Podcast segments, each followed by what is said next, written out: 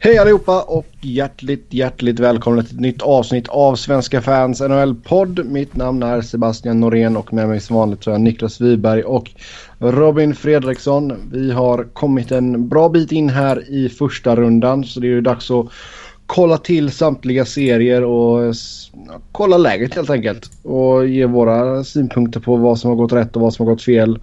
Sen har vi lite annat smått och gott att ta upp också.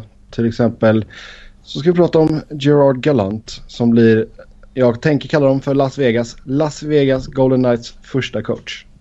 Men först och främst då in på slutspelserierna och eh, vi börjar i Eastern Conference där vi hittar Washington och Toronto där Toronto leder med 2-1 i matcher.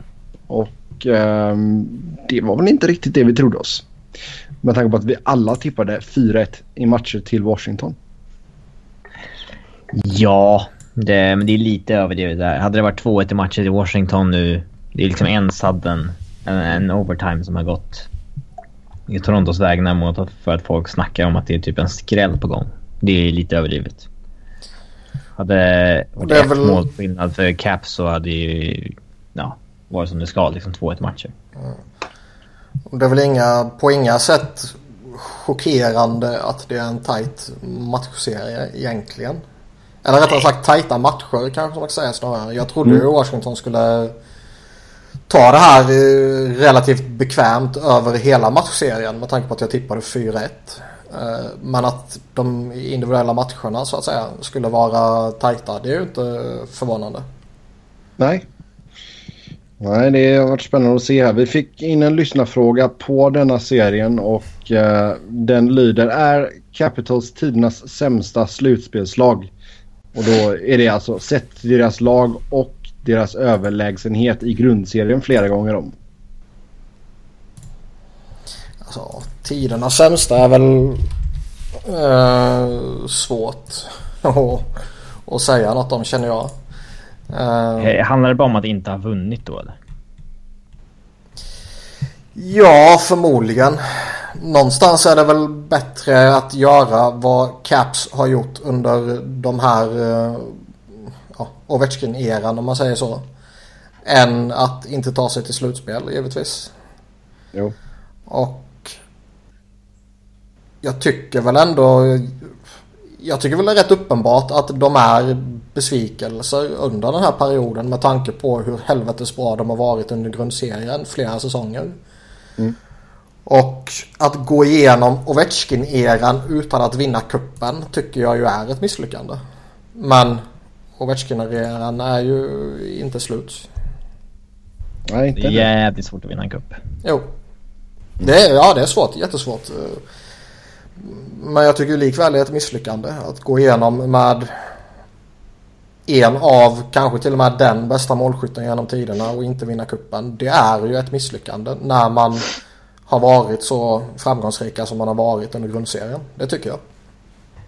Men som sagt, ja. det är mm. jättesvårt och man ska ha flyt och man ska inte stöta på uh, överjävligt motstånd och man kan ju då snurra in på det här att man har fått gå upp mot uh, ja, Pittsburgh under Crosby, Malkin-eran och han har haft lite andra tuffa lag, Rangers och så vidare som ändå har krigat på där med Henke Lundqvist och så vidare. Mm. Så det finns ju flera lag som ställt till det. Men de har ju också skärpt sig själva några gånger. Jo, alltså just med tanke på hur dominant man har varit i grundserien också. Vi snackar ändå så sju stycken eh, divisionssegrar de senaste tio åren och tre stycken President's Trophy.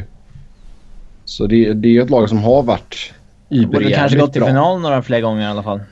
Eh, men eh, det borde ha varit i final några gånger i alla fall. Men... Eh, de borde ha varit i konferensfinal någon gång. ja. Men alltså... hade de torskat typ tre finaler då hade de haft en ännu större förlorarstämpel på sig. Mm. Så det, ja, jag vet Det är väl... Ja, jag vet inte. Men jag tycker inte man kan det är så för svart eller vitt att säga kupp eller är det ingen kupp så är det alltid ett misslyckande. Liksom. Jo. Jo, men det är ju samma sak som vi har snackat om Pittsburgh. Liksom, att, man, att man inte har fler kupper under... Ja, nu har man ju två. Det är ganska svårt att kräva mer än Två två, över okej. tio period. Det, det är det, tycker jag. Mm. Det är 30 lag som är med och slåss liksom. Ja, 29 om vi räknar bort Colorado. Nej, jag håller ju- alltså ja, det är ju skitsvårt att vinna och eh, vinna flera gånger är givetvis ännu svårare. Men liksom har man den här genera- någon av den här generationens bästa spelare och i Pittsburghs fall två till exempel. Mm. Ehm, och man utöver dem har ett väldigt solitt lagbygge i övrigt så bör man ju utmana betydligt hårdare än vad Washington har gjort. Och man kanske till och med ska kunna hoppas på fler kuppar än två. Jo, alltså det, det har väl känts lite denna säsongen också med tanke på att man fick in Chattenkirk. Alltså laget ser ju riktigt starkt ut. Så det är, jag menar skulle man ryka i en första runda här mot, även om det är ett bra Toronto-lag så det hade ju varit en rejäl besvikelse. Det hade ju Oh ja. nästan, varit, nästan varit fiasko. Ja, vi kan ju vänta tills de har rykt den innan vi... Eh, jag menar, må- många pratar redan som att eh, Caps är ute liksom. Ja det är de ju absolut Det inte. står ju inte Alltså, ens tredje matcher. nej nej nej. Och som Niklas har sagt det har varit tuffa matcher liksom. Så det här kan ju lätt svänga tillbaka till, eh, till deras favör. Så det är ju absolut inga problem. Eh, Alexander Ovechkin då som vi pratade lite om här. En av, eh, eller den här generationens bästa målskytt. En av ligans bästa målskytt genom tiderna. Sitter på två mål än så länge. Eh, Niklas vad tycker du att herr Ovechkin har gjort än så länge? Eh, Jag tycker inte han har varit dålig på något sätt. Men han har väl inte varit Ovechkin bra heller. Om, om man kan definiera hans toppnivå som någon form av egen toppnivå liksom. Mm. Känner du att det liksom har fortsatt lite? För han hade ju ändå så sina mått mätt. Nu får vi ju ta allting relativt men medioker grundserie. Ja men det hade han ju. Det ska man inte sticka under stol med. Eh, sen är ju Han börjar, han börjar bli äldre också. Det ska Ja. man inte glömma. 33 baljor är ju jätterespektabla siffror i den här ja, perioden. Men eh, det är ju en besvikelse för att vara han och det är en svag säsong för att vara han. Men med det sagt så är han ju fortfarande en jätteduktig spelare och det är inte så att man ska sänka sina krav eller förväntningar på honom. Det som väl egentligen står ut mest för mig i det här slutspelet är att han bara spelade en kvart i senaste matchen. Mm. Och det är fan tjänstefel. Mm, där gick ju Trots ut och sa att eh, han ska spela me. mer. Det är mitt fel. ja. ja, men liksom vad fan, tänk då? på det under matchen då. Ja, exakt. Eh, det... Om det inte är något fel på honom. Alltså skadeproblem, känningar, sjukdom, whatever. Mm. Så spelar man inte Ovechkin 15 minuter. I en Nej slutspelsmatch. Eh, av relativt viktig karaktär såklart. Mm. Det, nej, det, man gör inte det. Det- Det ska inte finnas på kartan. Nej Det det var ju- ju helt helt med om. Liksom, det var, jag, var, jag har för mig jag läste att det var hans typ tredje eller fjärde eh, vad säger man, lägsta tid den här säsongen. Något sånt. Eh, och det är ju tämligen skandalartat. I match Ja, alltså- tre borta mot Toronto. Eh, nej, det får inte ske. Ja, alltså tittar man på minuterna där över forwardsen så TJ Oshie hade mest 18.37. Sen hade du Bäckström på 17.30, Kuznetsov 17.01. Eh, och sen i Mojo var en sekund mindre än Ovechkin. Ovechkin var på 15.08, Mojo 15.07 och sen eller 15.01. Så jag menar, det, han har ju verkligen spritt ut eh, minuterna på de olika kedjorna. Det kan man ju lugnt säga. Ja, och liksom det, en av deras styrkor är ju den extrema bredden de har. Ja men släng in honom på ett dubbelbyte. Jo men, jo, men jag menar det, det är väl liksom inte fel att eh, Williams och Oshie och, och det där gänget, eh, Mojo och Kuznetsov och så har tunga minuter. Men när Alex Ovechkin bara spelar två minuter mer än Tom Wilson. Eller Jay Beagle. Mm. Lika mycket som Lars Eller. Alltså några minuter mer än, än Connolly och, och Winnick. Alltså, det är fan inte okej. Okay. Och där ska ju Barry Trotz, jag håller honom jättehögt. Jag tycker han är en av ligans bättre coacher. Och som jag sa förra veckan så har han ju lyckats kombinera vad jag tycker det bästa av det tidigare Washington med det bästa ur hans skola. Så att man kombinerar offensiv med defensiv. Men... Men eh, var det så helt enkelt att han inte hade... Eh, att han märkte det efter matchen helt enkelt? Alltså att han under matchen satte in dem han tyckte var heta och så vidare liksom. Eh, sen så märkte han efter matchen att ja... Fast man får ju statistik på sånt hela tiden. De måste ju ändå ha någon uppfattning om hur mycket deras spelare spelar. Mm. Alltså de, de, de, bör ju veta om ifall hade, deras bästa hade... spelare spelar mycket eller lite och om deras sämsta spelare spelar mycket eller lite. Jag, jag, jag, jag tycker det är så jävla bedrövligt. Mm, nej, det är absolut underkänt där. Det får man ju lugnt säga. Eh, vad annars har stått ut för dig Niklas i den här matchen än så länge? Ja... Ska du säga något gott ord om Kasper Kapanen kanske? Ja, nu när han är fri från Pittsburgh så kan man ju gilla honom ju. Men eh, ja. I övrigt är det, vad ska man säga? Man visste ju att Toronto var eh, ett farligt lag. Som kan hota och som kan skaka de, de bästa. Eh, titta bara på deras mest skickliga spelare så blir det väl tämligen uppenbart. Mm. Sen har de väl, de har ju saknat en sån som Zaitsev när han var borta och fått lite, någon ny skada där på Porlak som kanske inte är jättedåligt egentligen. Nej. Nej, alltså det, och det känns ju alltså även ifall eh, det alltid är press på Toronto ifrån liksom staden och media och allt sådär så känns det inte så som att det är... Man har lite mer realistiska förväntningar i år. Jag ska inte ha några förväntningar liksom, överhuvudtaget. Nej men alltså det är att gå ut och göra ett bra försök liksom. Istället för att oh, nu, nu ska vi vinna kuppen. Fast, Fast har de sagt det någon gång under modern tid? Det har de säkert. Mm. Det har jag svårt att tänka mig. nu tycker jag du överdriver rätt jävla... Ta och let, ta och let i arkivet här vad han har sagt ja, Simons. Nu tycker jag du uh, spontant överdriver jävligt hårt. Uh, men ja, nej vad ska man säga om Toronto? Jag vet inte. De gör väl lite vad man förväntar sig att de skulle kunna göra. Deras toppspelare skapar lite jävelskap här och där och uh, i de enskilda matcherna så håller de i hygglig jämn nivå till och från. Mm. Då tar vi och går vidare till Montreal mot New York Rangers. Vi har match fyra här om uh, bara några timmar. Toronto, eller Montreal leder med 2-1 i matcher. Och uh, på körschemat här så har vi Har Henrik Lundqvist slösat bort sin karriär i Rangers? Vad är det för stjärna som skriver körschemat? Ja du. Det är sådana riktiga hot topic-rubriker eh, här alltså. Hot takes från Wiberg.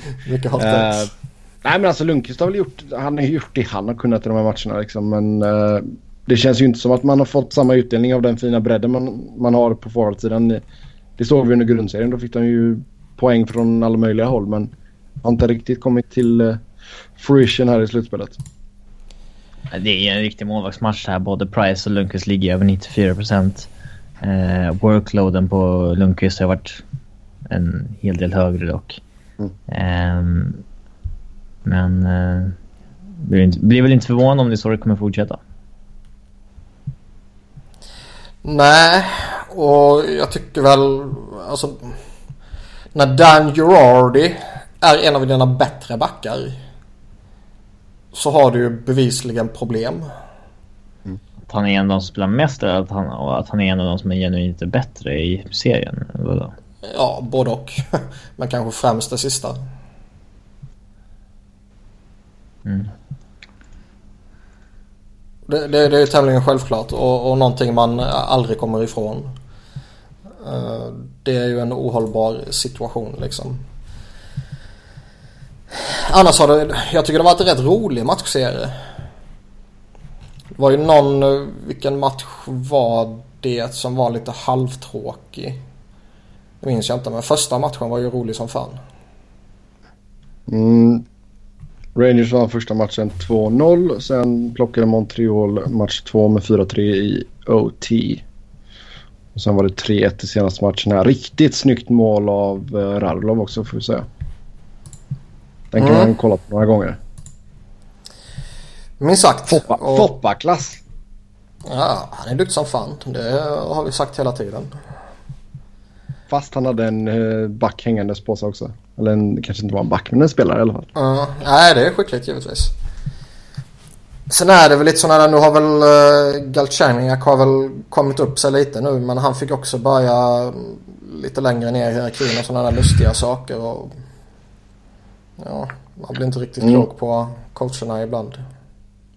Ja, Plekanet kör Även ju alltid ganska ju svag konstiga saker. Alltid också. Alltså någonstans så börjar man ju liksom... Har de rätt? Eller? Nej, det har de inte. Men någonstans börjar man ju ifrågasätta det rimliga i att eh, hänga de dåliga coacherna. Alltså i mitt fall typ Dave Hackstall. När Coach Q och Claude Julien och Babcock och, och det där gänget, trots också, gör samma saker liksom. Ja, alla fanbase sitter ju och häpnas över deras liksom... Mm. Deras, de är också en, någon Vandervelde som spelar mycket liksom. Mm. Eh, som de stör sig på som fan. Eh, och ja, jag vet inte vem som är extremast men... Eh, mm. Kanske inte där det avgörs ofta. Om alla coacher gör likadant så tar det väl ut varandra. Liksom. Ja, sen kan man göra det olika mycket och olika hårt givetvis. Men eh, ja, fascinerande att alla gör så. Mm. Vad kan vi annars nämna från den här serien? Arturi Lehtonen, första slutspelsmålet. Någon jävla sopa. Jag vet det. inte vad det är för någon. Där kom det. Ja, det var ju Lehtonen och Weber och Radulov som stod för målen här nu senaste matchen. Uh, Däremot, Radulov, man, slut, man slutar typ inte fascineras över Filip Danot. mm. Han har ju faktiskt eh, bra och det är lite coolt. Ja. Jo, absolut. Centra första kedjan där mellan Pacioretty och Radulov. Mm. Vi ska ha proffs här. Radulov är uppe på fem pinnar redan. Vi ser nu, det kan, kan bli intressant. Skulle ju vara kaxigt om man gick och vann eh, poängligan här i slutspelet. Och, eh, och sen bara nu ska jag ha nytt kontrakt. Kan det vara bra att han har hållit på det? Sen är det väl också... Du har liksom en spelare i Rangers på eh, två poäng. Det är Grabner. Sen har du... eh, Ja, vad är det? Tiotal, ett dussin kanske på en poäng. Och det är ju inte riktigt vad man hoppas på Rangers efter tre matcher. Nej. Chris, Cry, Chris Kreider är poänglös, Ryan McDonough är poänglös, JT Miller är poänglös. Eh, Det är inte riktigt bra. Mm, Robin, hur ska de vända på den här steken? Hur? Vad krävs? Vem ska, vem ska kliva Börja fram? åka skridskor. Okej. Var Ja, de åker så kaxiga. dåligt. Okej. Eh, Chris Kreider ska göra vad han gör bäst, det vill säga dundra in i Carey Price. Och det hade i och för sig inte varit en dum lösning. Nej. Och det kommer ju förmodligen komma. Ja. Eh, kanske inte just han, kanske är bättre för dem att skicka fram en Tanner och Glass eller någon och bara dundra rätt in i honom och få bort honom. Målkungen Tanner Glass. Mm, det är en Men jävla det här, det här har också varit en jämn serie så det är inte så att... eh, det är inte så att Rangers är brygga på något sätt. Nej, I alla nej. fall inte före ikväll. Nej, det har du helt rätt i. Det har du helt rätt i. Sen har vi eh, ett lag som verkligen är bryggare i Columbus. Man ligger med 3-0 i matcher mot Pittsburgh. Uh, Matt Calvert blev avstängd i en match efter en, uh, Liten fuling där. Tycker du att det var rätt Niklas? Ja, det är klart att han ska bli avstängd men det är ju så jävla tragiskt att det är eh, en match bara. Alltså ligan signalerar ju med all tydlighet. Först Michael Haley här för en vecka eller två eller tre sen, jag minns inte. Uh, sänker Kalle Järnkrog helt ovetandes med en smäll i huvudet liksom i en match. Här kommer Matt Calvert efter matchen hoppa på en ont anande motståndare och dunka på honom liksom. Uh, I en slutspelsmatch värderar de ju högre än i en grundseriematch så det går väl inte riktigt att jämföra där. Det, mm. det är väl två eller tre grundseriematcher då. Men... Ja. Spelarna får fan anpassa sig snarare, tycker jag, än att de ska hålla på och räkna så. Mm. Gör inget dumt när du vet att det är ett slutspel och viktiga matcher står på spel. Ja, och jag, liksom, ja, jag fattar inte vad... Man tycker alltså att det inte är så farligt att man hoppar på en spelare när matchen är slut. Det är bedrövligt uppförande. Jag, jag fattar inte vad det är för signaler man skickar liksom. För i det här, alltså ja.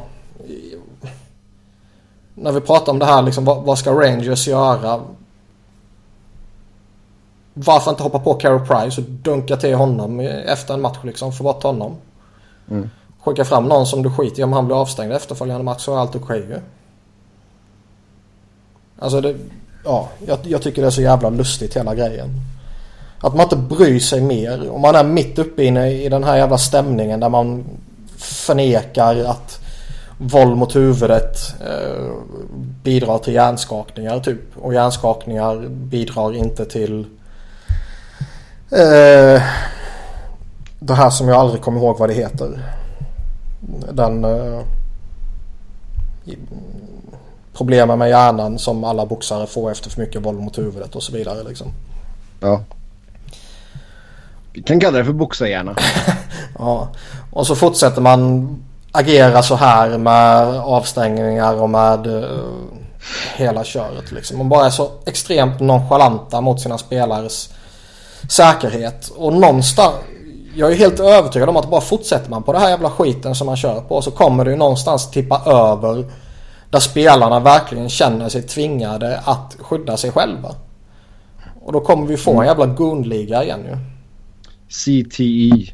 Chronic ja. Traumatic Encephalopathy. Ja, exakt. Ja. Och då kommer vi få hela det här öga för öga resonemanget och hela det där köret som jag... Jag stödjer ju det bara för att ligan och domarna inte klarar att skydda spelarna. Så mm. tycker jag ju att öga för öga resonemanget är helt okej okay att tillämpa. Och det har jag sagt tidigare. Så länge inte ligan jo, och klubbarna och spelarna själva skyddar spelarna så måste spelarna själva göra det. Mm. Det är sant. Ja, tillbaka till uh, matchserien här då. Uh, Pittsburgh plockade första matchen 3-1, andra matchen 4-1 och sen blev det 5-4 i övertid i senaste matchen tack vare ett hattrick av Jake Güntzel. Så han är uppe i fyra baljor nu. Ja. Mm. Det här är ju faktiskt inte särskilt förvånande även om Columbus haft en bra grundserie så... Det ska ju vara klasskillnad. Ja. De är inte på samma nivå på riktigt de här lagen. Nej, alltså de hade, jag tycker ändå så i match 1 så inledde de jäkligt pikt och de hade hur många Men du var där. Jag var på plats och vi kommer med till min rapport ifrån PPG Paints Arena lite senare. Men eh, alltså de hade ju en hel drös med chanser i början av matchen. Men uh, Flurry spelade skitbra och sen det tog luften lite i dem och så började Penguins trampa på där i andra sen. Så mm. de känns helt enkelt numret för stort. Och det skulle inte förvåna mig alls ifall de plockar hem detta med fyra raka. Nu är dessutom Zach Wierenski skadad för Columbus så han tog en puck i nyllet. Uh, spelade klart. Uh, Manligt. Ja, det är credit. Är det, man, är det manligt och tufft eller är det korkat och farligt? Dum i huvudet. Ja. ja, ansiktsfraktur så det kanske inte var jättekäckt att han fortsatte spela. Nej, det är korkat som fan. Ja. Mm. Sådana så... spelare får ju skylla sig själva efter karriären och få problem. Så är det. Sen är ju frågan hur, hur mycket stake har man att uh, när Tortorella kommer och brölar Och, och säga att nej jag kan inte spela. Ja, exakt. Ja, Släng jag på mår helt okej, men som en säkerhetsåtgärd vill jag nog kliva av nu. Men alltså ja, och det är ju ett problem i sig. Att man kanske inte vågar eller kan eller vill säga så. Jo. När man kanske vet att det är vad man bör göra. Och man kan ju förstå en eh, coach också. Eh, på ett sätt. Eh, deras det är jobb klart. kanske är on the line. Mm. Det är klart att Tortorella inte vill tappa sin bästa back. Ja, på så vis. Liksom det, det är synd. Men det är korkat. Det kommer vi inte ifrån. Man hoppas ju dock att eh, Columbus i match 4 börjar eh, eh, fula till sig lite. Det har Har de inte... varit för snälla alltså? Ja, vad fan. När man ser Columbus gå upp mot Pittsburgh och man vet vad Brandon Dubinski kan göra och man vet vad eh, Calvert kan göra. Ja. Och man vet vad Boone Jenner och det där gänget kan göra. Liksom, fan. Nu när det är Ja. kört liksom. Fart eller om man kan få, få komma ikapp någon. Ja, men han skulle vara borta den matchen jag för mig. Jag läste. Han får hoppa in från bänken och bara slå honom. Eh, Det hoppas man ju lite. Eftersom man i, ond, är, i själen är ond. Eh, Efter två fina matcher i inledningen där av Flurry så släppte han in eh, fyra baljor här nu match tre. Sk- är, det, ska man by- är detta ett bra läge för Pittsburgh att byta tillbaka till Matt Murray eller ska man köra på Flurry? Jag vet faktiskt inte vad Matt Murrays status är.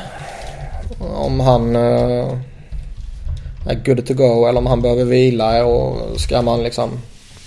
Klurigt läge ändå. Flower har spelat skitbra.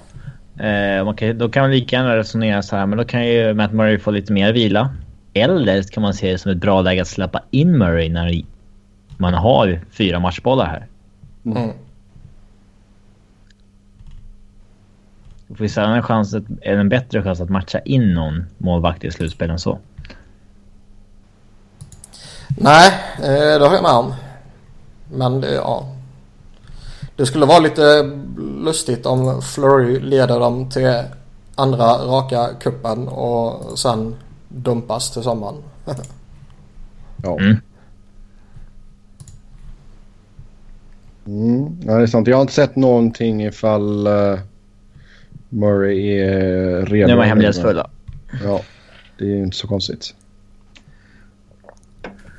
Men, eh, men säg att det blir en liknande match igen. Liksom, att han släpper in eh, fyra liksom, fast de ändå vinner. Då kan Är det bara- hånfullt att om Pittsburgh leder med 4-0 byta in Murray och spela klart resten av matchen? Jaha, du menar så ja. Eh, ja. Det där jag har funderat på ofta i hockey. Att om man leder stort och har första målvakten in och vill vila honom. Vila honom. in andra keepern? ja. Men det finns ju fortfarande någon jävla kultur i ligan att man får inte förnedra. Alltså Ja, det, det är det, är ju- fortfarande det här. Le- Leder du med 6-0 och det är sju minuter kvar och du får ett powerplay så liksom får du typ inte sätta in din första uppställning. Utan då ska du skicka in din fjärde kedja som får lira powerplay. Typ. Ja. Det finns ju fortfarande den kulturen kvar och man får inte målgester får inte vara förnedrande eller eh, andra aktioner, whatever, får inte vara förnedrande. Och en sån där grej skulle ju förmodligen tolkas som förnedrande. Och det är väl därför man Så- inte gör det. Så slänger du in eh, 7-0 mål då gör du bara en sån liten golfklapp och så bara bra, bra, bra. Ja, Skulle ta upp lite snö i handsken och åka förbi eh, motståndarbänken. Och runka av klubban så skulle det snö på dem i ansiktet. Det skulle klassas som förnedrande. ja. Det, det där hade ju blivit böter, kanske avstängning till och med. Jag tror li, li, ligan hade ju sett värre på det än ett överfall efter matchens slut liksom. ja. Så ja. Men eh, definitivt supermatchboll för eh, Pittsburgh här. Eh, No shit. vi hade, du och jag hade 4-1 i matcher, Robin 4-2. Det brukar infinna sig någon form av desperation att inte bli svepta och någon Mm. form av liksom, trygghet när man leder med 3-0. Så att blir vi inte förvånade om Columbus tar en match här. Ehm, och sen så tar Pittsburgh en fjärde. Sen har vi Ottawa-Boston sist ut i öst. Uh, Ottawa leder med 2-1 i matcher. Och uh, Charlie McAvoy har ju kommit in här för Boston. Och hur tycker du att han har sett ut Niklas? Jag tycker han ser jättebra ut. Visst han gör något uh, misstag här och där och han fick ju lite... Uh, hat. Uh, lite hat och lite kritik när han screenade Tukaraski något mål och sådana här saker men... Som att Chara gjort det någon gång. Ja, mm. exakt. Så inte, alltså vem som helst screenar ju sin egen målvakt om du är back och du står framför honom för fan. Ska du flytta dig och lämna forwarden helt ensam så kommer du hängas för det och ja, det, jobbigt läge helt enkelt. Men jag tycker han ser jättefräsch ut. Och eh, det är ju skoj att se att de verkligen slänger in honom direkt och verkligen binder fast Viktor vid honom och slänger in honom i den djupaste delen av bassängen. Så han verkligen måste tvinga sig själv upp. Ja, det är verkligen uh, sink or swim. Senaste matchen slog han 24-44. Ja. Och jag tycker, ja, vi såg ju i JVM att ja, han har inga problem att spela tok mycket i en tuff situation. Och ja, spela mycket i JVM eller spela mycket i NHL, framförallt i slutspelet, är ju två helt olika saker. Mm. Men han skötte det galant i JVM och jag tycker han sköter det jättebra här också. Han är ju en mm. av deras bättre backar. Ja, absolut. Han har ju det där lilla extra anfallsspelet också. Eh, Boston plockar en match 1 med 2-1 och sen har Ottawa tagit två stycken 4-3 vinster i övertid. Mm. Ja, Erik Karlsson visar varför han är så helvetes bra som han är. Ja, han har i princip vunnit två matcher åt dem. Ja. Det är... Vilka, alltså, vilka, vilka matchavgörande saker han gör i varje byte. ja, det är helt sjukt. Jag läste några eh, siffror eh, kring eh, allt. Hur många skott man får till och hur få skott man släpper till och Corsi och bla bla bla och hela det här köret liksom. Mm. Uh, med honom på isen eller utan honom på isen. Och det var ju extrem skillnad. I den här matchserien då bara. Han är, han är ju... Ottawa är ett helt annat lag oh. när han är på isen. Och backparet för Neff och Ceesay blir ju slaktade dock i jämförelse. Eh, om vi tittar på samma siffror. Mm. De har det tungt. Mm. Så att... Eh, alltså frågan är hur mycket man kan spela Erik Karlsson. Alltså kan man... Han, har ju han, snitt, han snittar ju bara 28 och en halv. Ja, alltså han har inte så här jätte, jätte Alltså man ser sällan honom eh, framåtlutad när han åker och byter liksom. Utan han, mm. han är alltid ganska lätt på skridskorna och inte den som liksom köttar skiten ur sig i varje byte. Mm. Kan man pressa ur fem minuter till liksom? Alltså beroende på hur läget är med hans fot så borde man ju kunna pressa de minuterna. Han såg ju lite trasig ut av game one men... Mm. Eh, sen där, Då hade alltså... han ju bara 24 minuter direkt. Mm. Eh, men, men, det kan, men det, kan ju, det kan ju vara att de här 28-36 som han snittar är så hårt man kan pressa honom med uh, fotproblemen. Med fostringen. Ja. Uh, och där får man ju managera lite också att uh, om man leder med ett par mål så kanske han kan hoppa över något byte. Ja. Uh, 30 minuter och 15 sekunder spelade han i senaste matchen. Till och med Bobby Ryan har ju levererat nu. Mm. Och det är stordåd på gång i Ottawa. Ja men alltså det... Han har ju inte haft mål i sig förr liksom så fine. Ja, men gör, det... något sista, gör något sista dödsryck här nu så kan du åtminstone vinna en serie. Jag vill inte bli exposed i... Ja, no moment-klausulen då eller? Mm, det kan han nog ha. Ja. Uh, ja, nej men han har varit legit bra. Uh, så Ja, han sitter på, ja, han sitter på en modified no trade och en no movement. Ja. Mm. Ut till uh, Western Conference och uh, lite förvånande får vi då säga att Nashville har en 3-0-ledning på Chicago. Eh, uh, lyssna fråga här. Hur kan ett lag som har tre av de 100 bästa spelarna genom tiderna ligga under med 3-0 i matcher. Får en att tvivla på att den listan stämmer. ja, ja, listan stämmer inte. Nej, Malkin är inte med.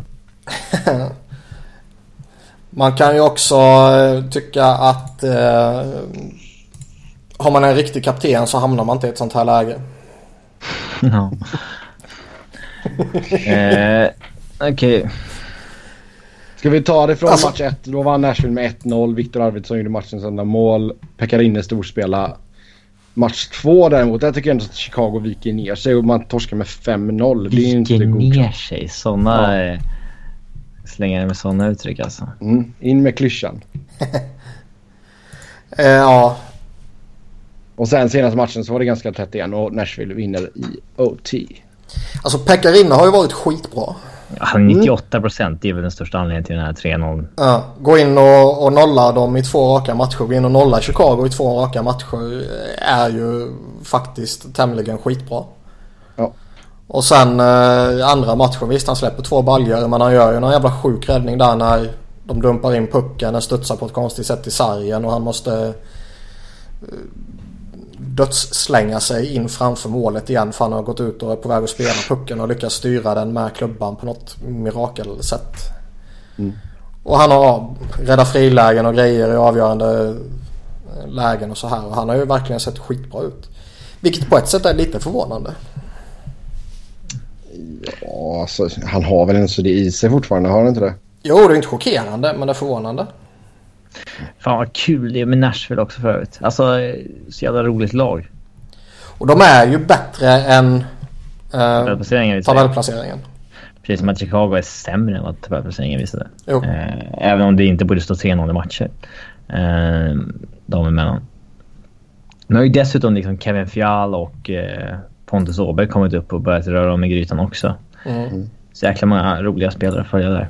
Uh, nej, det vore kul med en sweep här. Vi är inte den mest Chicago-vänliga podden kan man säga.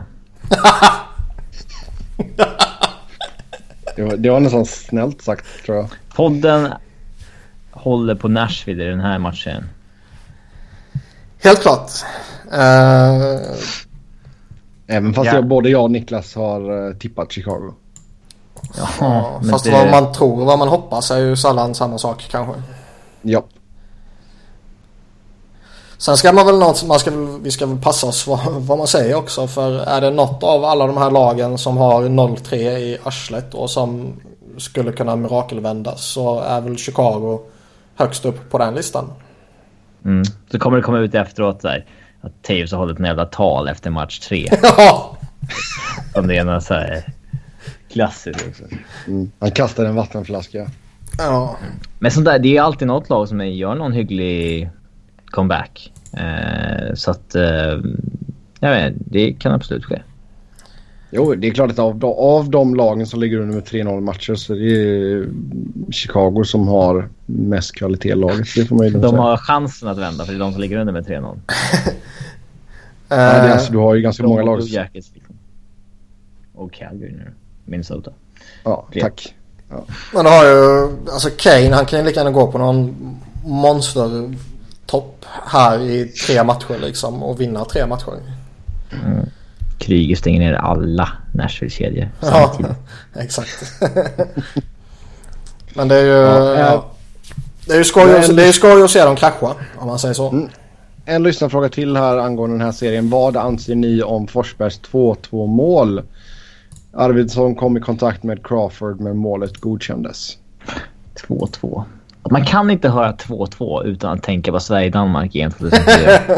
då och då. Ja. 2-2 mål borde alltid godkännas i min, eh, i min eh, åsikt här. Mm. Jag eh, ska villigt erkänna att jag inte vet exakt hur regeln är skriven och formuleras och sådär. Men han är ju utanför sitt målområde. Mm.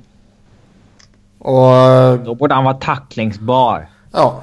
Eh, nej, det borde han inte. Nej, det borde han inte. Det är klart han ska. Den här diskussionen tar vi sen i sommar tycker jag. jag. Jag kan säga så mycket att står han på sina skridskor utanför målgården så ska han vara tacklingsbar. Det gör han ju inte här. Uh, Jag skulle se, alltså om det var så. Ja. Satan vad folk skulle liksom så fort någon, det är bara att passa på att sätta en tackling från en målvakt ur spel. Alltså det, men det är ju bara för målvakten att lära sig att jaha, då står jag kvar här. ja, men varför då? Det är väl roligare om de är ute och lallar lite. Ja, eller så blir det kanske fler chanser, fler mål, mer Mycket action. mer dump and chase hockey om när jag inte får gå ner bakom mål och hämta pucken. Ja, herregud. Ja, kanske, jag vet inte. Det är inte för att dump and chase behöver vara jätte, jättetråkigt att kolla på. Nej. Nej. Men ja, men det, det är en annan. Däremot så, han är ju klart utanför och eh, det är ju klar kontakt. Skulle den här skett inne i målgården så skulle det ju dömts bort. Eh, Man har ju sett betydligt mindre kontakt eh, som har dömts bort. Men som sagt, jag, jag vet inte vad, vad regeln säger och jag har varit för lat för att eh, kolla upp det också. Ja, det är lugnt. Vi har säkert någon eh, regelexpert där ute som kan skriva in till oss. Eller någon, till, eller någon som orkar googla. ja, Men eh, rent logiskt tycker jag ju att är man utanför målgården på det sättet så tycker inte jag det är ett fel att målet godkänns. Tror ni att eh, Chicago kan åtminstone plocka en match här eller ser ni en sweep här för Nashville? Det skulle vara gött som fan om de tar det i fyra raka men eh, det känns som att Chicago kan uh, Det är ett jävla kross i sista matchen också som så här definierar slutet på Chicago-eran. Ja. Blackhawks köper ut Toews till sommaren och grejer. Ja det vore fint. Ja, vi går vidare till Anaheim som har en 3-0 ledning mot Calgary. Efter att ha vunnit match 1 med 3-2, match 2 med 3-2 och match 3 med 5-4 i overtime. Mycket övertidsvinster ändå får vi ju säga. Det var väl samtliga matcher igår. Avgjordes på eh, övertid. Ja. Det här är faktiskt eh, den enda matchserien där jag bara har sett eh, highlights. Mm. Jag tror det räcker. Eh, ja, man vill ju ändå se någon match för att kunna säga någonting. Du får ju inte en bild av helheten av att titta på highlights. Nej. Eh, däremot så, ja, vad man har kunnat eh, sett och läst och så vidare så har ju Ryan Getzlaff varit väldigt duktig. Vilket glädjer mig eftersom det förmodligen gör Sebbe lite arg. Alltså jag, hatet mot Getzlaff har ändå så minskat med tiden. då hans gång, gnällighet har blivit... Hans gnällighet har blivit mindre. Det är ju mer Corey Perry som är den gnälligaste nu i dags. Eh, och han avgjorde ju OT här nu senaste matchen. Så det undrar jag honom inte. Bjäxa fyra poäng på tre matcher. Ja, vad hände där? Vi glömde ju säga det förresten att uh, Pekka Rinne har ju fler poäng än Superclutch Toews. Han har två poäng hur inne. Ja. Ja visst. Två assist plockade han upp i samma match. Primary assist. Nej. Nej, det tror jag inte. Nej. Uh, vad mer? Alltså Dax Shea Theodore gick in och smiskade in två baljor här nu senaste matchen också. Mm, han är duktig. Ja, han är duktig och det är, alltså, han har ju haft en ganska otacksam uppgift under säsongen. Han har flugit upp och ner, upp och ner, upp och ner. Så det är kul att han får vara kvar och göra ett avtryck. Uh, med facit i hand om man ska gå på den här matchserien bara i alla fall så gjorde de ju rätt som inte dunkade iväg en back. Mm. Utan att de kanske håller på det. Eh, Carlisle, alltså, verkar det verkligen som att Carlisle kommer gå över till Bernier? Jag vet inte, jag har läst lite uh, allt möjligt. jag har sett att han har sagt att han bestämt vilken målet men han tänker inte säga vilken. Nej. Okej. Och det är... Nej.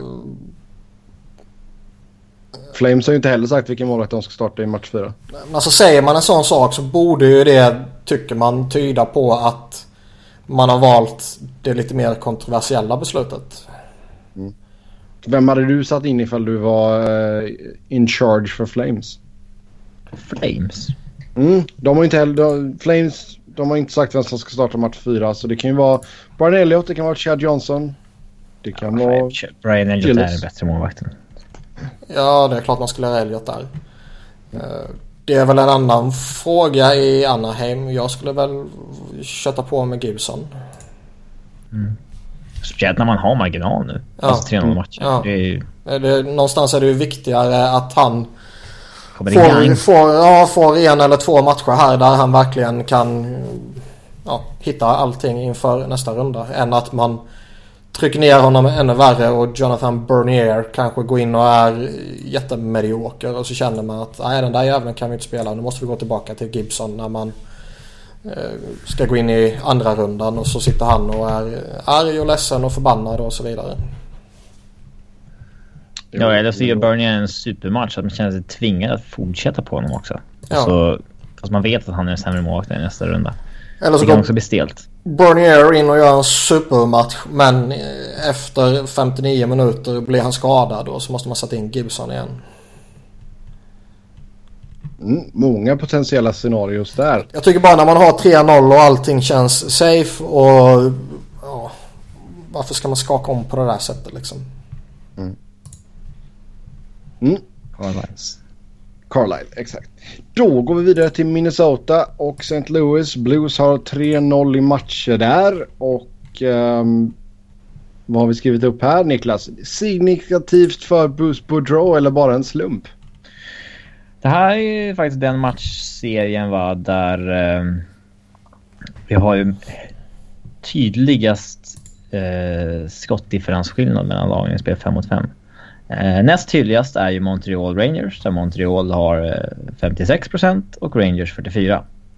Mm. Eh, här har vi överlägset den största alltså. Där Minnesota ligger på 63,4 och St. Louis på 36,6. Så att 5 mot 5 spel. Helt överlägset för Minnesota. Helt överlägset. Mm. Men 3-0 eh, matcher så... för San Jose, äh, St. Louis. För San Jose? Mm. Ja. Ja, Jake Allen har ju faktiskt varit skitbra. Ja, en, mm. eh, ja, en målvakt som storspelare. Det, Devan Dubnik har varit lite sådär. Ja. Ja, 92 procent. Men det räcker inte om den andra killen redan 98 liksom. Det... Nej. St. Louis plockade match 1, 2-1 i övertid. Sen vann man 2-1 under ordinarie tid i match 2 och sen 3-1 nu senaste matchen. Och uh, det ser ut som att man kanske får tillbaka på Statsnytt till match 4. Ja, uh, frågan är hur man ska göra där också. Gynnas han mer av att få en uh, match i benen inför andra rundan? Ja. Eller två matcher kanske. Eller gynnas han mer av att fortsätta vila? Nej, spela honom. Alltså, du behöver inte matcha honom hårt. Men ge honom 10 minuter liksom. Ja, men varför om man liksom stressar tillbaka honom lite? Vilket de ibland har en tendens att göra. Ja, okay, ja då, kan jag väl, då kan jag väl köpa det. Men är han liksom 98 procent så kan jag ge honom 10 minuter. Varför inte då vänta till han är 100 procent? Du har liksom då... ingen, du har ingen mening med att spela honom när det är 3-0. Fast du vill ju ändå så att han ska få tillbaka matchtempot lite. För det sånt kan man ju ändå så tappa ganska snabbt. Ja, men eh, någonstans måste man också värdesätta en veckas extra vila. Eller vad det kan bli. Mm. Ännu mer än så. Jag tycker bara det... Ja, jag säger inte... Varför sker det här då? Med Bruce? Alltså i, i grund och botten så... Ett av... Hur fan är det oflyt? Ja, det är oflyt. Fast, ja, 3-0. Fast ett av problemen är väl... Eller problem och problem. Men eh, en av grejerna är väl att... Minnesota är väl heller inte så bra i grunden på alla sätt och vis som tabellpositionen indikerar. Nej, det är, alltså den här matchen är en 50-50 på förhand egentligen. Ja. Mm. Eh, så, så, så är det ju. Eh, men... Eh, alltså... Och det hade ju lika gärna kunnat vara 1-2 eller 2-1 i matcher här. Då hade det inte sett så mycket ut för världen. Men 3-0... Mm. En sak som jag tycker står ut dock är att Ryan Suder inte ser bra ut.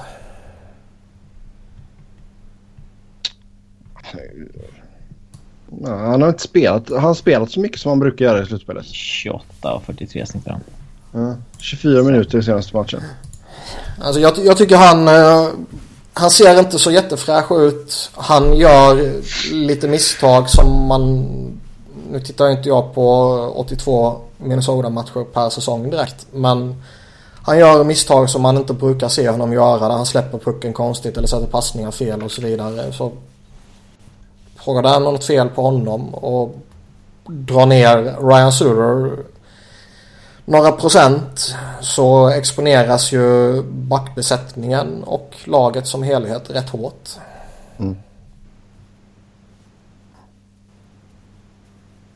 Ja, För det, det, det, är det, klart är det, liksom... det, det, är, jo, det är ju stor skillnad på Suter och resten av deras backbesättning. Det är ju självklart. Ja. Och ska Minnesota åstadkomma någonting i ett slutspel så behöver de ju en fräsch Ryan Suter som kan spela sin knappa halvtimme. Mm. Och eh, man vet att han kommer göra det tämligen skitbra. Och det är alltså, ska du gå in i ett slutspel och du ska hoppas gå långt i ett slutspel så måste ju du, majoriteten av dina bästa spelare vara bäst. Ryan Suter har inte varit bäst och Devin Dubnik har inte varit bäst. Nej, och sen nu, nu ser det ut som att man splittar på Koivu och Granlund. Eh, på träning nu senast så kon, ko, konto. Koivu centrade Niederreiter och Parisi och Granlund eh, var i kedjan med Eric Stahl och Charlie Coyle. Alltså det är sådär man gör när man ligger under i ett sånt här Jo, läge. ja, man, ska, man skakar ju om för omskakandets skull.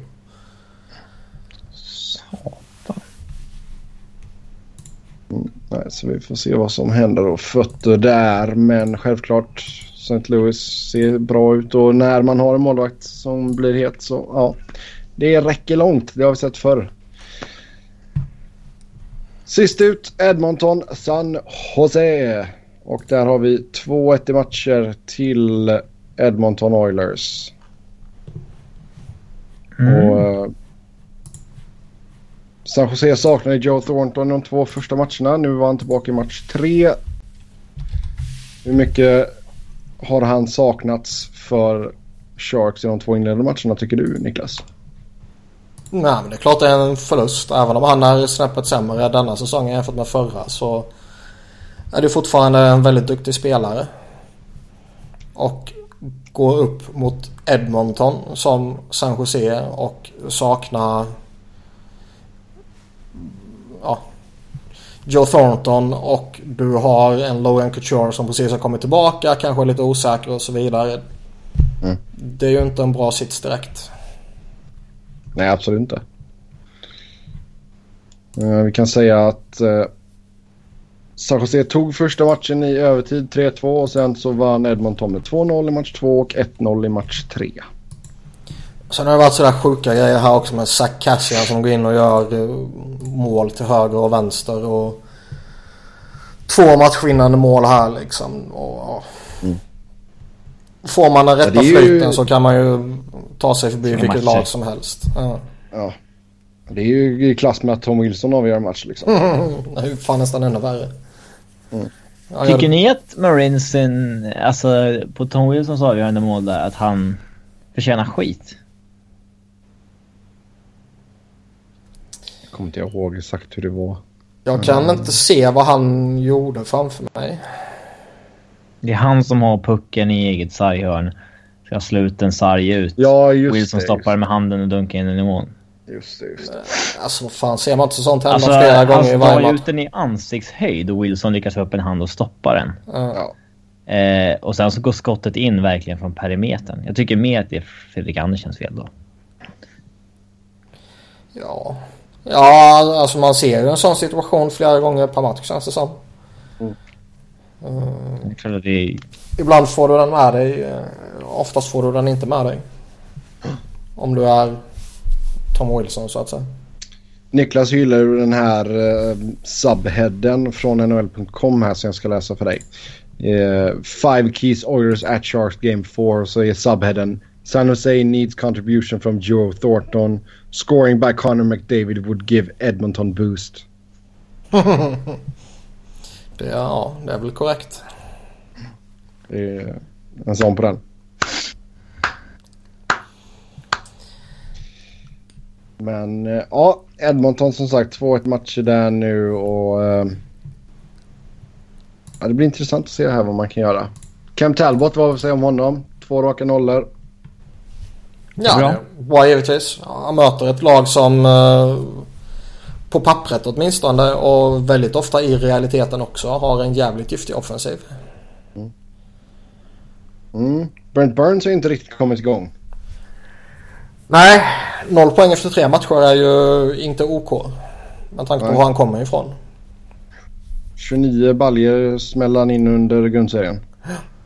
Logan Couture poänglös också.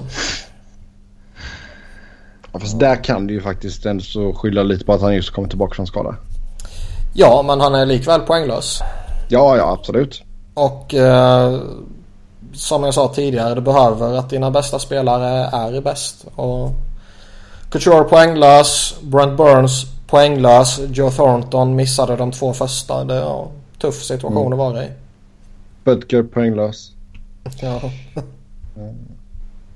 Ja, Ja, Melker Karlsson har ju det första matchen i AT så det kan vi ge honom lite props för. Däremot gillar jag ju det som Sharks gör här nu inför Game 4 när det ska vara eh, morning skates och grejer och Joe Thornton sticker ut eh, vad var det? En kvart innan deras egen skate och testar lite och allt är frid och fröjd. Men när det är Oilers tur så är de inte tillåtna att beträda isen innan eh, träningen officiellt börjar 11.30 och vaktmästarna och så vidare har blivit tillsagda att de ska inte tända ljuset innan 11.30 och det finns inga målburar på plats innan 11.30 typ. Mm, men det är, det är lite mind games, det gillar vi. Bara för att Edmonton har haft någon form av rutin att några spelare hoppar ut på isen och kör lite uh, skottträningar typ innan träningen börjar. Mm. Och... jag, hoppas att de kom, jag hoppas att de kom ut med Zamboni så fort det var klart också. Ja, ja nu är han tid upp. Bara, ja. jag, jag, älskar sådana, sånt fulspel som verkligen är sån låg skitnivå.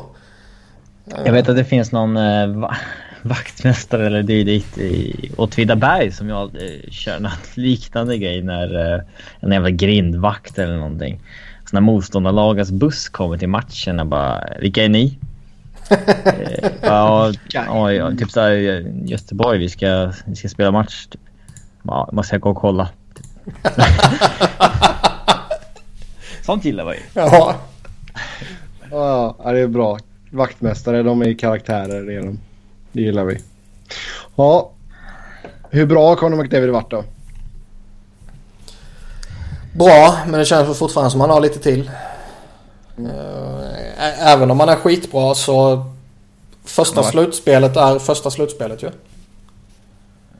Ja, det blir en annan bevakning. Alltså, ja. de, du får ju mera möter samma lagmatch eller kväll efter kväll. Man, man får ju en viss motståndare man matchas emot som kanske lär sig något i en spel. Och, eh, jag menar, han, han har ju säkert han har ju varit stjärnan i alla lag han spelat. Han har ju säkert varit med om det mesta. Men mm. eh, det finns ju killar i NHL med tio års rutin av fulknep som man kan använda för att få bort vissa spelare i matcher och sånt där. Som, han går upp mot några rätt bra backar här också i Vlasic och Burns och Paul Martin som ändå håller bra nivå fortfarande. Så det...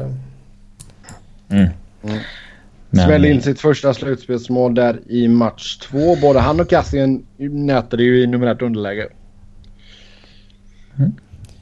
Det är skoj att se när lagen verkligen aktivt spelar sina bästa spelare i PK. Mm, för att Cassian ut där. ja, det var inte riktigt Cassian jag menade utan det var McDavid. Uh, för att man verkligen vet att nej, de är ett hot och det kan hända saker och de är duktiga på PK också eftersom de är bäst. Istället för att bara slänga ut sina sopor för att man någonstans har fått en bild av att om du inte är bra offensivt så är du per definition bra defensivt. Typ. Och således bör du vara en PK-expert. Så det är skoj när de skickar ut de här bästa och man verkligen ser att det ger effekt också. Mm. Alltså i en perfekt värld så uh, har du ju tillräckligt bra spelare i din bottom six eller fjärde line som kan spela där så att det då kan vila dina toppspelare. Ja.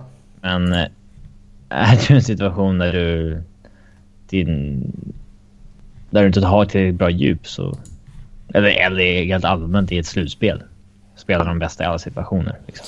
Ja, jag göra det dag ut och dag in i grundserien. Det är lite onödigt tycker jag också. Det har jag sagt tidigare med. Men när man väl kommer till slutspel så... Ja, blås på liksom. Mm, då hoppar vi in på lite övriga grejer här och vi håller oss till Edmonton och eh, ja, första gången man är tillbaka i slutspel på tio år så eh, man sålde ju självklart slut samtliga platser i eh, Rogers Place. Och, um, Rogers Place. Rogers Place. Så då kom någon på den oerhört fiffiga idén att sälja Concourse Passes till fansen för 80 dollar styck. Så att man kan komma vad det är för någonting. Ja, så du kommer alltså in på arenan. Du ser inte isen. Men du kan stå inne i arenan. Du kan titta på tv och du kan köpa svindyr läsk och bärs och popcorn. Kan känna på stämningen i Känna på stämningen liksom. Korridorerna liksom. från matchen. Så då knöker de in så mycket folk de bara kan. Och det blir självklart mega kaos när det är dags för periodpauser och folk vill gå på toa och dylikt. Uh, alltså det här är ju så jäkla intelligensbefriat så det är... Alltså jag tycker ju synd om de som köpte detta. Jag tycker synd. De, är de så dumma i huvudet så de köper det så får de skylla sig själva. Det är inte så ja, att jag kanske köpt de med tanke på att tvingade. det ändå kommer gå att se matchen på något vis kanske. Men uh, det... Men alltså, sen, det, alltså, sen om det att man finns har folk som mage betala ta för det så är det inte fel 80 att sälja det heller. Alltså jag vet inte vad brand... Alltså det måste ju vara en jäkla brandfara också liksom. Jag vet inte exakt hur sånt funkar men... Jag, tror- jag tror inte direkt det är eh, knökfullt i korridorerna. När alla sitter på sin plats liksom. Det beror på hur många man köttar in där i och för sig men... Det Nu är... tror, nu tror jag du överdriver det igen. Däremot är det ju tragiskt jävla skit som man inte borde köra givetvis. Men, och det ger en sån patetisk bild av en så patetisk organisation. Och det känns som att nu ska vi bara lura in så många idioter som möjligt och tjäna lite pengar till. Um, Men sen är det som Robin säger, om det finns idioter som är redo att köpa det så... Kommer businessmen Ja. lockas av tanken. Ja. Ett första slutspelsmatchen på tio år. En enorm hype i byn igen och man har Conor McDavid i laget och så vidare. Ja, det är klart folk kommer köpa sådana där grejer. Även om man inte har möjlighet att se en enda sekund av själva spelet så kommer folk ändå lockas. Men jag tycker det är så jävla tragiskt. Och i synnerhet priset, 80 jävla dollar liksom. Mm.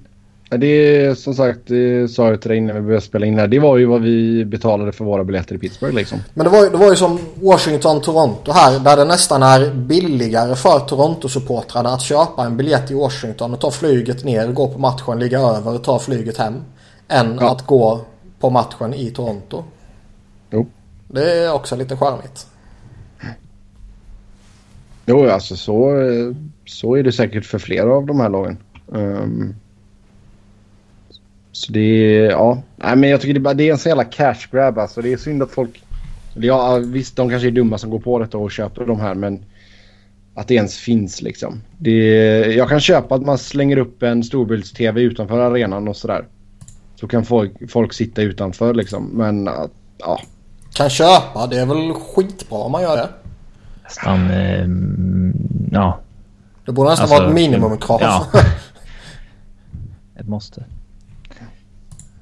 Mm. Eh, sen då Niklas så vi där. Hur värdelös var arenan i Pittsburgh? Inga mugghållare, så det var ju brutalt underkänt. Och, Det, Shit, Ja. amerikaniserad du har blivit. Det, men men det, det är ju typ sån det alltså. första de tänker på när de bygger en arena i USA. Ja, Var ska folk ha sin öl eller läsk? Och sen bommar man det. Någon, någon måste ju få sparken ju. ja.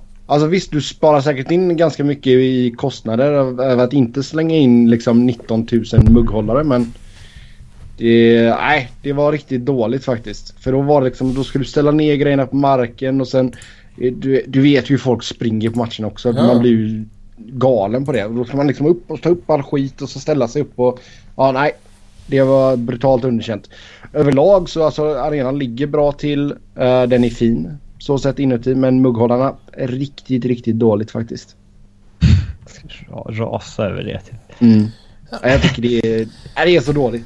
En jävla skitorganisation som två gånger har toktankat för att få en generational talent. Lyckas på det och sen så har de inte ens eh, mugghållare i sin jävla arena. Nej usch och fy för Pittsburgh. Sen tycker jag att det var lite konstigt. Man kom väldigt långt in i arenan innan de scannade biljetten. Det var bara någonting som jag inte är van vid. För annars så brukar det vara att innan du kommer in på arenan då scannar de biljetten liksom. Ehm, så det kanske, kanske var någon som lyckas smyga sig in på matchen. Det vet man aldrig. Uh, vad mer kan vi säga? Matutbudet var okej. Åt du något? Det- Ja, vi körde eh, någon barbecue. eh, jag drog en pulled pork sandwich och uh, vad tog Petter? Jag tror han, ja, han tog nog en brisket sandwich tror jag. Så då har ni fått veta det också. Sen köpte jag världens största glass också. Herre jävlar. Klass. Det var ju... Ja, jag, jag vill ha glass i en av periodpauserna. Vad kostar Eh, ölen? Oh, tre- 12 eller 13 bucks. Ja. Och då är det ju pissöl dessutom. Ja, vatten som ser ut som, som en gurk typ. Labatt, Labatt Blue Light liksom. Så får man en jätteful eh, sån burk med eh, Penguins logga på. Mm. Så då ber man om ett glas och så är Penguins logga på den och så ber man om att få någonting som inte har en jäkla Penguins logga på sig. Och då säger de det har vi inte. De hade till och med Penguins logga på vattnet. Alltså när man köpte en, en flaska vatten så på korken så var det en Penguins logga. Fy fan. Det är väl så det funkar. Liksom. Det- Så, så fick vi en t-shirt. Självklart så är det storlek extra extra large. Och sen en sån rally towel så jag kan lägga under hundarnas vattenskålar nu. Ja. Så, mm. Så så var det med det. Och sen var Pittsburgh en jäkligt jobbig stad att köra bil Det kan vi lägga till också. ja. Pittsburgh suger helt enkelt. Nej då, det var trevlig stämning var det. Det var trevlig stämning. Det var väldigt högt. Däremot så hade vi ju en sån riktig förståsigpåare bakom oss. Han satt och... eh, Han var ju typ coach. Så det, det- det, är det är ju ingen riktig Det är alltid kul. Det är ingen riktig hockeymatch eller fotbollsmatch för den delen om man inte har en sån bakom eller framför sig. Nej. Sen hade vi en annan kille som ville att de skulle tacklas hela tiden också. Var det Petter liksom Petter höll sig ganska lugn. Han hade någon kille bredvid sig som var ganska excentrisk. Men det var, ja. Killen bredvid mig satt och han hade smugglat in sådana här små spritflaskor du vet som man får på flygplanet. Det gör jag alltid på han, han, han satt ju och hällde i sig några sådana liksom. Sen blev han jävligt kaxig. Ja, det är gött. Nej men överlag så det var, en, det var kul att se hockey i Pittsburgh. Man har bockat av en annan arena. Nu gäller det bara att man tar sig till Nashville också. Efter allt gott som Niklas har sagt om den staden. Mm. Så det var det. Eh, Då går vi över på nästa punkt här. Någon coach eller GM som ligger illa till om ett favorittippat lag åker tidigt. Mm. Alltså jag, även om Chicago ryker 4-0 i matcher så tror jag inte Nej. att de kommer kicka någon liksom. Nej, de sitter Ja. säkert. Q, de förlängde ganska nyligen med Q och eh, han har ju liksom varit... Det har liksom surrats om att de ändå velat byta ut honom genom åren men han har liksom varit för bra för att de ska kunna göra det. Eh, så att, nej, där tror jag inte jag att det händer. Jag tror ju Stan Bowman sitter ju stensäkert. Eh, Men säg att Toronto ska- skulle gå och vinna med 4-1 i matcher över Washington då? Nej, jag tror inte Barry Fortfarande Trotz lite... sparken. Ja, det är fortfarande lite för färskt där känns det som Och också. överlägsen i grundserien också för att det ska vara Mm. någon... Eh, ska vi gå Vem- igenom vem, alla? Nej, men alltså- alltså, säg bara vem, vem tror du kan ligga pyrt till? Är det någon som kan ligga pyrt till? Jag undrar vad som händer med Chuck Fletcher. I Minnesota. Han har ändå varit där några år nu som GM. Mm. Att Boudreau bör ju vara safe givetvis. Ja. Um, Vad, vad tror ni om Vigneault? jag tror mycket väl han kan ryka men Det är inte Jeff Gortons kille heller. Nej, och han börjar ju få lite skit här och var nu. Men jag tror inte han kommer ryka uteslutande baserande på att man torskar mot Montreal. Mm. Även om det skulle bli 1-4. Utan jag tror det är uh, flera faktorer bakom i så fall. Tårtan sitter ju bensäkert i Lumbus ett tag till. Ja, det bara uh, ja. Boston har ju kickat Julian Sweeney. Hur sitter det med han om det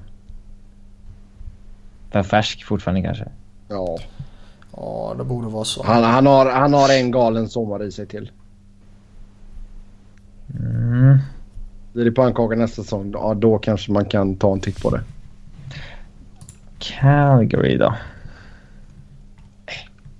Ska man verkligen göra någonting där? Ska. Det är inte det vi snackar om.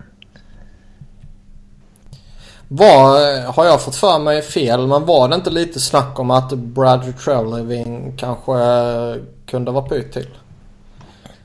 Det är inte han som bestämmer. Det är... Nej men det är väl just därför han ligger pyt till då. Han ska offras. Innan uh, Brian Burke riskerar att hamna i skiten så kommer han sparka han som på pappret uh, bestämmer. det, alltså det, det resonemanget köper jag fullt ut. Ja. Så det, ja, det är väl mycket möjligt. Men å andra sidan liksom, ja. Men sen räknar det... jag ju inte dem. Jag räknar inte Calgary som ett favorittippat lag liksom. Nej, nej, nej, nej inte alls. Men... ju få uh, saker hända. Så är det. Ja. Jo. Mm. Nej, det, där har du rätt Niklas. Vill han rädda skinnet lite där så ligger nog Trilliving dåligt till. Inte Burke ligger illa till oavsett dock. Nej men det, man, det kan ju börja gnällas någonstans. Och då kanske mm. man känner att uh, ja, det börjar gnällas lite nu. Ska jag sparka han ta in någon annan? Och, eller ska jag vänta ett år till och så funkar det inte och så börjar det gnällas på riktigt nästa år. Och så kanske jag själv sitter pyrt till. Mm, vi får se vad som händer efter det där. Uh, New York Islanders ska ha anställt någon som, att höra sig före ligan om Gart Snow och kolla, liksom, luskat runt lite om, om andra tycker att han gör ett bra jobb och det fick positiva svar tillbaka på den frågeställningen. Det här är ju skitskoj. Intressant metod. Ja. En sån där gallupundersökning bara. ja. Hej! Jag ringer från New York Islanders. Jag tänkte höra om du har några minuter över och prata om Gart Snow. Alltså han har gjort lite vettigt givetvis. Någon, någon trades här och där, någon rekrytering och sådär. Det ledde och sånt där. Ja. Men han gör ju också mycket galna saker, mycket konstiga saker och... Eh, för mycket galet för att de ska kunna bygga någonting tror jag. Ja, lite så. Och, och, och liksom... Skulle jag sitta i ett konkurrerande lag och jag får frågan om en GM gör ett bra jobb Mm. Så säger bara ja. Säger man ja. Ja, alltså säger jag nej och de byter ut honom och helt plötsligt får de en kompetent människa där. Det är ju tjänstefel av dig då. Ja. man, man svarar ju alltid diplomatiskt också. Bara ja, det gör man liksom. Mm. Nej, alltså, det gör man väl inte. Men, men du har ju en skyldighet att ljuga i det här fallet. Ja. Nej, det, det var en Nej, väldigt, jä jävligt väldigt lustig sant. grej. Mm. Eh, jag, jag, jag minns inte att jag har hört något sånt tidigare. Nej, det har jag inte gjort. När vi är så inne på New York Islanders så kan vi säga att Dog White får jobbet som coach permanent dessutom.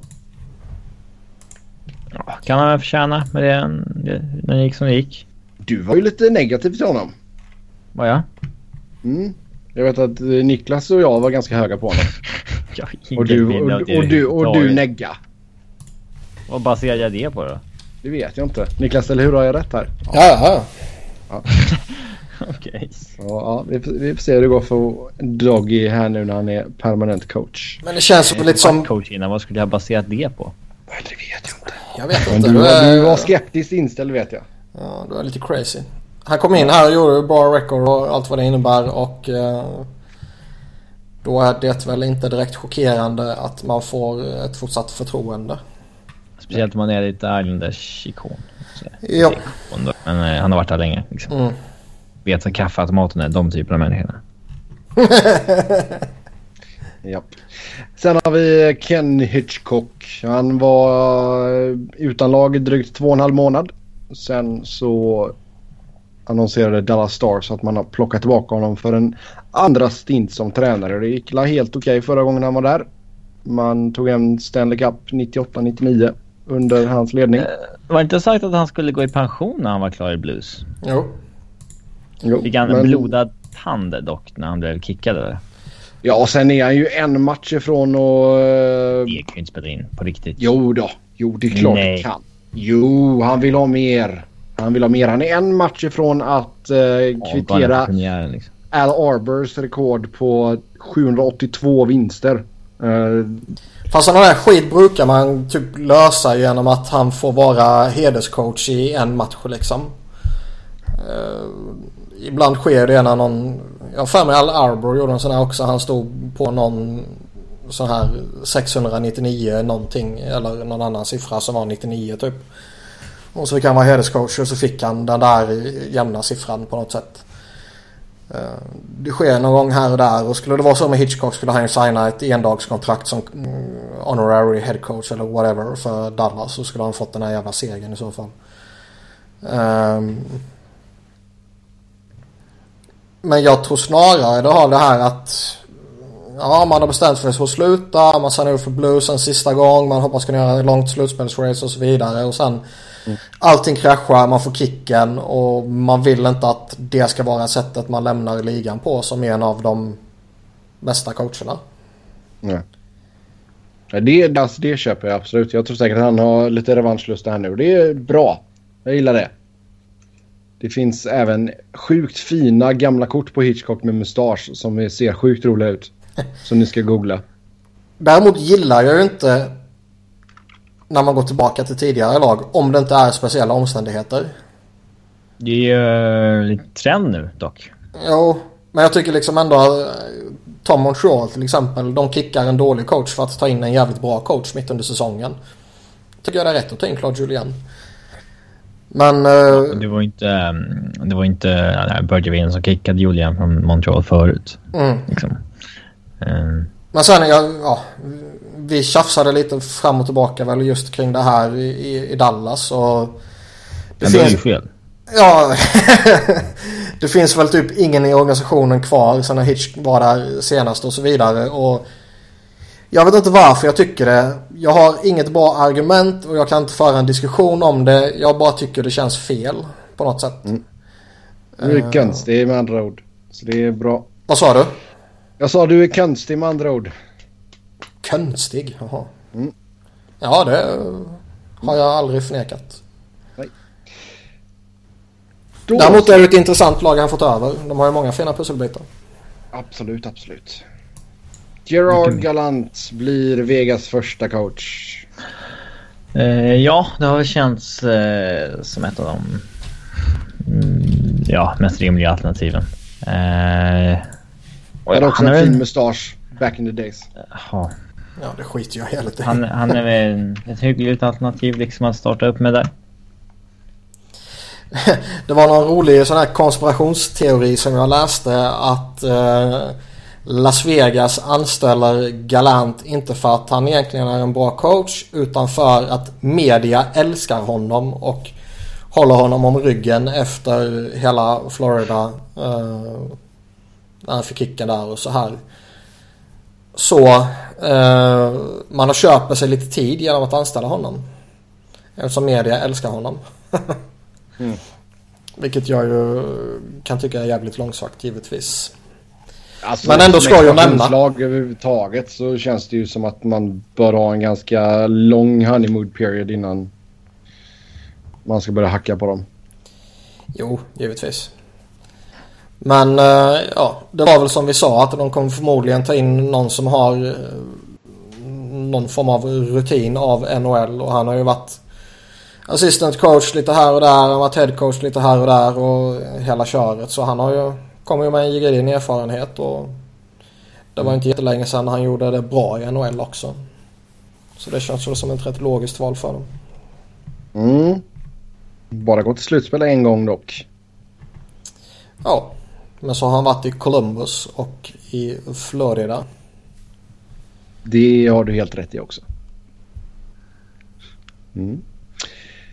Eh, vi pratade om Dale Talon förra avsnittet så vi ska prata om Dean Lombardi och Daryl Sutter som fick kicken av LA.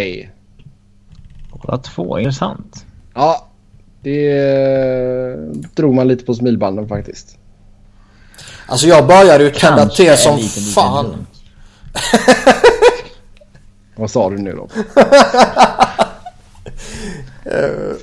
Jag började ju tända till lite när det här beskedet kom. Och sen bara någon dag efteråt så blev Ron Hextalls sån här eh, avslutande presskonferens och grejer med lokalmedia skjuten på en dag.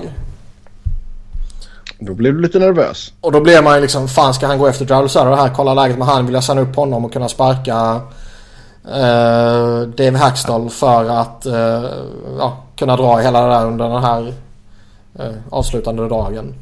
Mm. Och sen så blir Dave Hackstall uttagen som eh, assisterande coach i Kanadas VM-lag som Ron Hextall är GM för och då dog ju de förhoppningarna. Ja. Mm. Hade det inte varit ännu roligare ifall inte Kings hade sagt vem som tog över från Lombardi och man hade hållit på det. Och sen så blir Flyers liksom presskonferens uppskjuten och sen så blir du rädd för att Hextall ska gå tillbaka till LA. Vad skulle jag bli det för?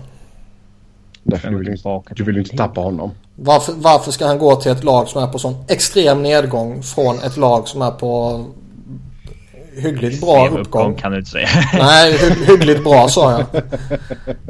Men det är ju tämligen givet att Flyers är på uppgång och Kings är på nedgång. Hade han velat ha jobbet som GM i Kings hade han varit kvar där. Ja. Det är helt sant. Mm. Däremot är det ju... Ja. På ett sätt känns det ju jävligt logiskt att snackar du din GM att uh, hans uh, coach som har varit där länge försvinner också. Ja, det är Och som väl, faktiskt har ryktats om lite till och från här att uh, blir det här säsongen han får gå? Uh, ska man inte sparka honom nu så man kan uh, få ordning på grejerna och Sebbe har ju krävt hans avgång flera gånger. Mm. Satt du och svarat med kupp på kupp.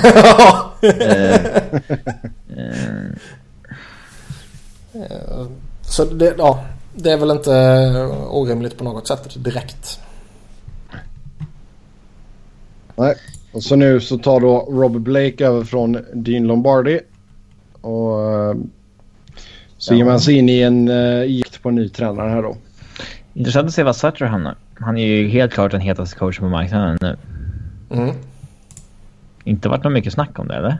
Har han sagt någonting om huruvida han ska coacha vidare eller? Uh... Jag såg bara, han har typ bara gett en intervju och det var ju han uh, Major Hoven eller vad fan han heter som hade fått den typ. Mm. John Hoven ja. ja. Han är duktig ju. Däremot läste mm. jag inte intervjun så jag har ingen aning om vad som sagts. Men uh, vill han ha ett nytt jobb så kommer han ju få ett nytt jobb.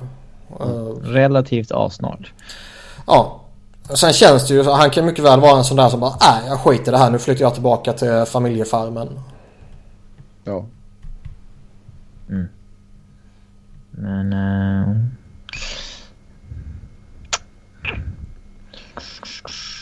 Ja, nej, vi får se vad som händer. Boston kanske är något lag för honom. Mm, kanske. Det känns... Lombardi klar va? Vad sa du? Lombardi kommer inte få något nytt jobb. Lombardi är klar va? Klart att Lombardi kan få ett nytt jobb om han vill. Han, är han borde inte få de senaste åren. Alltså... alltså vill han ha ett nytt jobb och det finns något läge där ute så kommer han ju bara visa upp sina eh, ringar. CV. Ja. Eh... Och vi vet ju att även om han har dinosauriemetoder och hela han är, han Team USA-fadäsen så... Ja. Och vi vet ju att det är många ring, runt om i ligan som delar de värderingarna också. Oh ja. han kommer inte ha problem med att ta besluten. Ja. Eh, men ja, han... Men känns borde ju... han landar ett så här senior advisor jobb. Ja. Och chillar lite bara. Ja. Lombardi. Men Sutter borde ju inte ha bråttom i alla fall. Nej, han kommer ju låta lagen komma till honom liksom och så får han se över vilka alternativ han får. Och så ja, men han, ska, ju, han, ska ju, han är ju sån som han ska ju sitta lugnt och vänta ut alla alla lagens eventuella ageranden. Mm. Istället för att ja, där var job opening, där hoppar vi på så fort det bara går för det kanske inte kommer något annat. Ja, nej, nej. Det kommer komma, vi, vissa, det kommer komma tillbud. Jo, men vissa coacher måste ju... Ja, där fanns en öppning. Jag hugger det. Annars kanske jag inte får något. Och så får jag vänta säsongen ut och så kanske hela säsongen går och så vidare och så vidare. Mm. Men uh, han är ju så pass bra och stor att han ska ju bara sitta och chilla och antingen kommer det upp ett fint jobberbjudande. Rangers kickar vi nå. Han vill hoppa in dit. Uh, när de åker och det dröjer lite eller så... Ja, whatever. Mm. Och skulle det ja, inte komma upp något den här sommaren så ja, vänta. Mm. Chilla på farmen liksom. Ja. Mm. Carolina kanske kan överväga att offra Noah Hannifin för att få in en forward till sommaren. Det var ju snack om det här tidigare under säsongen eh, också. Eh, och då gjordes det ju många kopplingar mot Matt Duchene. Och de ryktena och spekulationerna lär väl icke försvinna nu. När den här snacket får ny fart. Däremot är det ju, vi, vi pratade om det redan när det kom upp tidigare. Liksom, det är alltid en olustig känsla när man eventuellt ska trada en sån här spelare. Mm. Eh, du kan liksom trada bort de kommande tio årens bästa back i ligan om du har oflytt. Och det vill man ju inte göra. Jag för mig vi jämförde lite när, när ryktena om uh, Justin Falk kom upp också. Att uh, mm. ja han är bra men uh, får man så mycket mer än vad man får nu. Är det kanske han man ska dumpa iväg och så får du ett bra utbyte. Men du behåller Hannifin och förmodligen kommer han bli bättre. Det finns en liten risk att han inte blir det givetvis. Jo. Jo men sen alltså det känns ju som att man har ju några som står och stampar här utanför dörren. Så släppa folk, visst du kanske blir lite sämre kortsiktigt men jag tror i långa loppet så hjälper det nog faktiskt. Sen är det ju alltid det här med att många lag är väl skraja med att köra för många unga backar samtidigt. Och de har redan eh, en del unga uppe och som sagt flera på uppgång också. Så då kanske man vill ha kvar den enda vettiga, bra veteranen man har. Mm. Så mm. det är ett jobbigt läge. Men visst ska du få in något bra måste man offra något bra. Ja, absolut, absolut. Jerome Gillnat sägs vilja spela ett år till. Usch och fy. Och Berg. Ja. Inte det blir intressant att se vart så fall. Flames kanske. Ja, kör ett år där och sen säg tack och hej liksom. Han borde nog sagt. Nej, för fan. Ska han spela ett år till så är det ju inte för att han ska avsluta lite fint i Flames och flytta hem. Utan då är det ju för att han ska håra ut sig och gå för en sista cup liksom. Det är ju bara, det, är bara det det handlar om. Men då kan han gå till dem och sen uh, missa Måste han signa jävligt billigt. Ja, och sen är de på väg att missa slutspel. Ja, skicka honom vid deadline då. Ja, men alltså grejen han, han slarvade ju bort det här fina CVt. Eller slarva bort och slarva bort. Men eh, med alla de här åren i Flames när han flyttade runt till en massa olika lag här sista åren. Så fan, fortsätt med det. Jaga kuppen en sista gång liksom. Alltså hans största misstag var ju att eh, helt missbedöma Avs framfart och skriva ett treårsavtal där. Ja. Eh, det ångrar han nog bittert. Eh, så att, ehm, men då var det väl en liten familjegrej också. Flyttat dem till Pittsburgh, flyttat dem till Boston och sen så nej, inte bara ettårskontrakt nu. Nu tre år liksom. Jo. Mm, sant. Ja, vi han, han borde lägga av dock. Han är inte bra. Ja, han borde lägga av. Eh, Colorado tros välja att skydda Semyon Varlamov i expansionsdraften och exponera Calvin Picard. Robin, dina tankar på det? Lite snabbt så här. Det är väl mest logiskt egentligen. Känns det som att det, det fortfarande finns en god chans att man får behålla båda?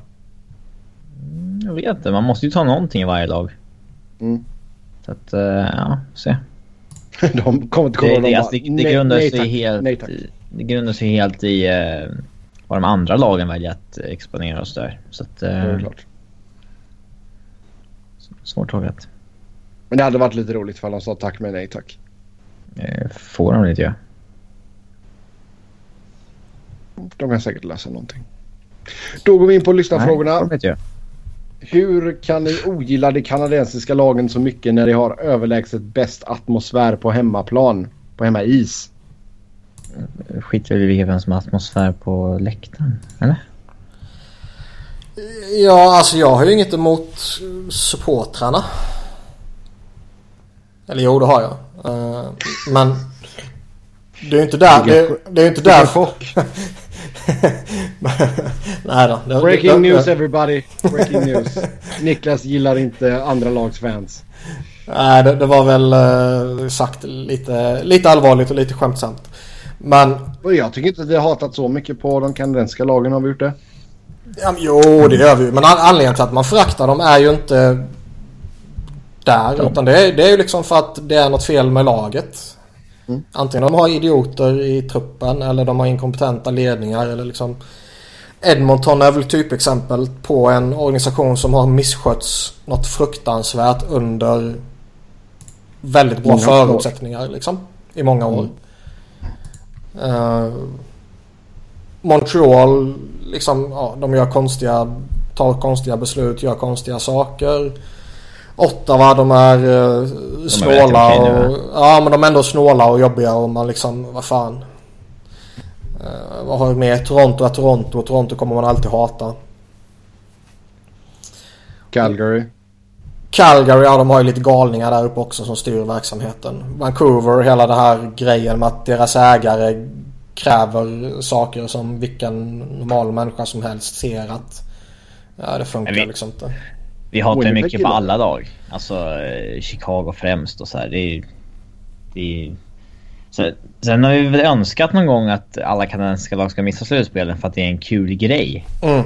Att se hur den kanadensiska hockeymedia reagerar när inte ett enda kanadensiskt lag är med i slutspelet. Mm. Eh, för de tror ju alltid där all, liksom, alla blickar är på deras lag hela tiden. Nej men sen är det väl ingen snack om, alltså Montreal ska ju, nu har inte jag haft lyxen att vara där själv men det ska ju vara bästa stämningen i hela ligan. Det kan mycket väl stämma. NHL-stämning är ju faktiskt inget någon är så här, eh, Nej, ge mig hellre ett, eh, ett bra fotbollsderby någonstans så slår ju det allting alla dagar i veckan. Men ja, fast man går ju på hockey för att titta på hockey, inte för att lyssna på folk skrika. Skjut! Ja, det är favorit. De skriker sju så fort man har pucken i PP. Ja, ja, visst. zon. Ja, Nej, när, har du har en egen, när du har en egen zon. Skjut! Nej, det gör ju inte folk. Jo, det gör folk faktiskt. Mm, Det har nej. hänt mig. Jag kan ta Ja, den historien Ja, sen. men någon... Alltså det är klart att någon gör det på skämt då. Men eh, Det var inte på skämt, men jag tar den sen. Jag tar den sen. Ehm, men ja, ja, så vi, vi hatar alla jämlikt helt enkelt med andra då. Eh, om man bara har en världsklasspelare i sitt lag, vilken position hade ni valt i ert lag då? Rangordna gärna 1 till 4. Så center, winger, målvakt och back. eh, första center i första hand. Ja, center först.